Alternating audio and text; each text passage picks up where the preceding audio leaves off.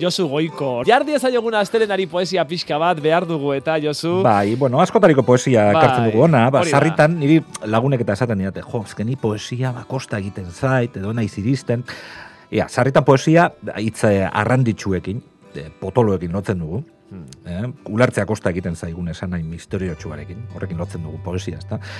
Eta agian, ba, ala da batzuetan. Poesiak batzuetan e, alegina eskatzen digu, beragana iristeko, eta ondo da hori, eh? bidaia horri ekin ba- nahi badiogu, erronka horri heldu nahi badiogu bintzat, ba, ondo da, ezta.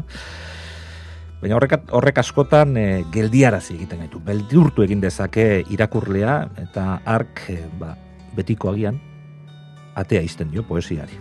Eta jente askori, gertatzen da zaio hau. Baina poesia guztia ez da horrelakoa. Mm?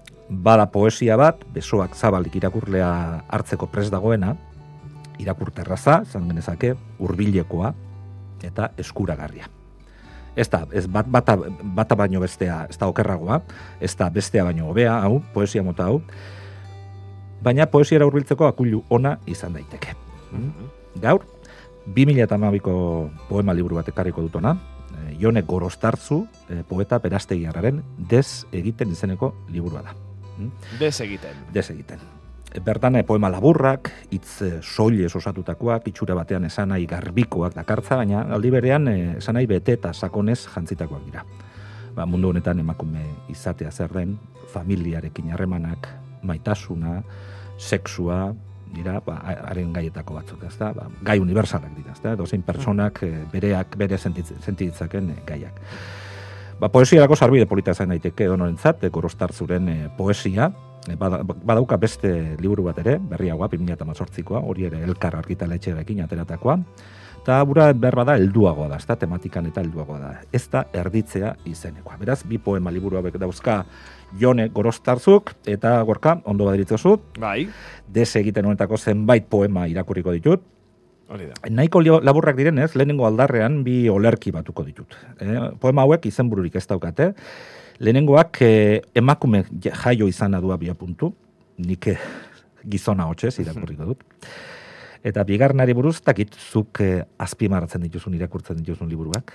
E, ez, normalean ez. Normalean ere ez, dut eh? baina jente asko koitura hori Bai, daukar, katzarekin, batzu poligrafoarekin ere, bai.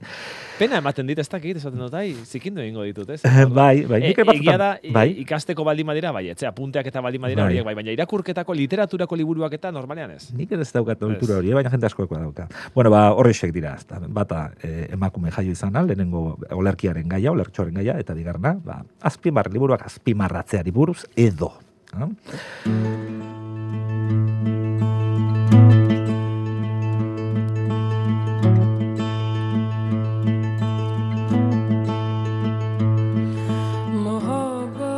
Jaio nintzen eme, eta egin nintzen, eginez noa emakume. Zabuaren kulunketan eta sokasaltoan, amaren takoiekin, hileko trentzekin, belauneko urratuekin, bitxilorezko pultserak eginez, eta sugandilei isatxa etenez, panpinak jantziz, orraztuz, baina baita haiei hilea moztuz eta begiak ateraz ere. Eta honela, egunero egiten, egunero des egiten naiz.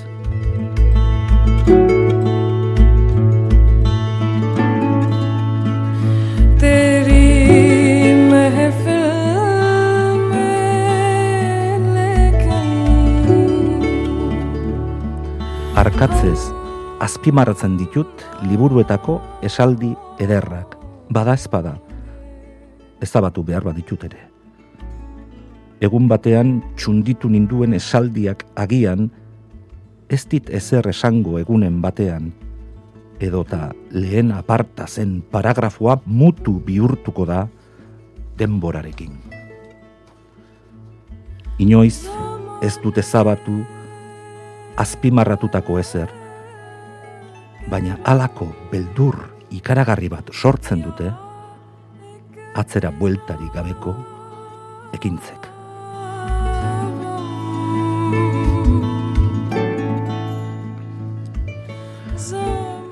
Bai, bai nolako tentazioa izaten den batzuetan desagertzea, ez da? Batzuetan eh? desagertzeko ies egiteko tentazioa izaten dugu, ez? Gure bizitzetan, arazoren bat dagoenean, kezkan diren bat bizi dugunean, hori desagertu, Hori da. ies egin. Baina bakizu agian ez da idea, ideia ona. Batzuetan ez. Izan ere zer da zer dago arago. Zer dago ies iesaren ostean leku hartan. Ione Gorostartzuk badauka poema eder bat, honi buruz, eta ontxe irakurriko dut.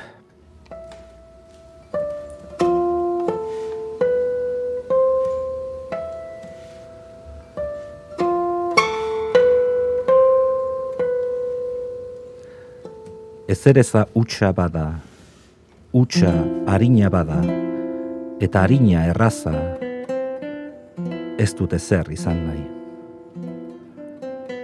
Eta bukaera gelditzea bada, gelditzea atxedena, eta atxedena atsegina, bukatu egin nahi dut. Eta joatea, agurtzea bada, agurtzea isiltzea, eta isiltzea lasaitzea, joan egin nahi dut. Eta eriotza loa bada, loa ametsa eta ametsa askatasuna hil egin nahi dut. Baina hiltzea ustea bada, ustea baztertzea eta baztertzea mintzea ez dut hil nahi. Eta joatea astea bada eta astea saiatzea, saiatzea, nekatzea ez dut joan nahi eta bukatzea etxitzea bada, etxitzea galtzea eta galtzea umiltzea. Ez dut bukatu nahi. Eta ezereza gaua bada, eta gaua iluna, eta iluna beltza. Zerbait izan nahi dut.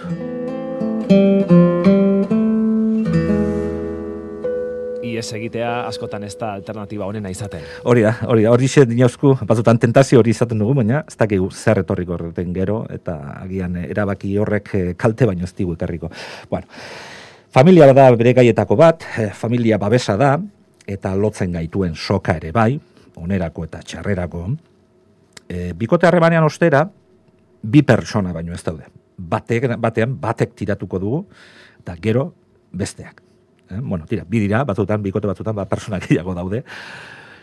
Hemen ere, bi poema labur lotuko ditut. Lehenengoan, familiari lotuta ageri da poeta, bigarnean, poeta da, bere maitalea, lotuta, beragana, erakartzen duena.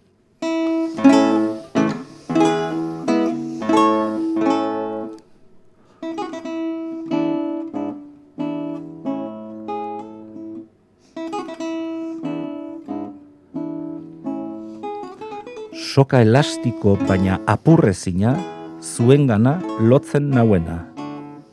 Ama, aita, anaia, aizpa, alde egin dezaket kalera indartxu. Atera mundura, erasokor. Ustez zezen baten moduan, aske.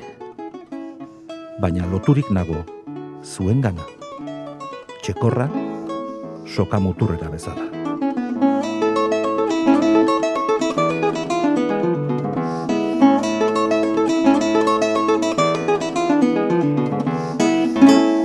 Eta zatoz lepora gozo, nahastu hileak gartxu, deskorapilatu kizkurrak artez, eta igo mendiak, jaitsi maldak, sortu errekak, gerabite zerlojuak kieto, edo jarrai dezala azkar, asperenez neurtuz segundoak, musuz, lastanez orduak, berdin dio denborak, zatoz.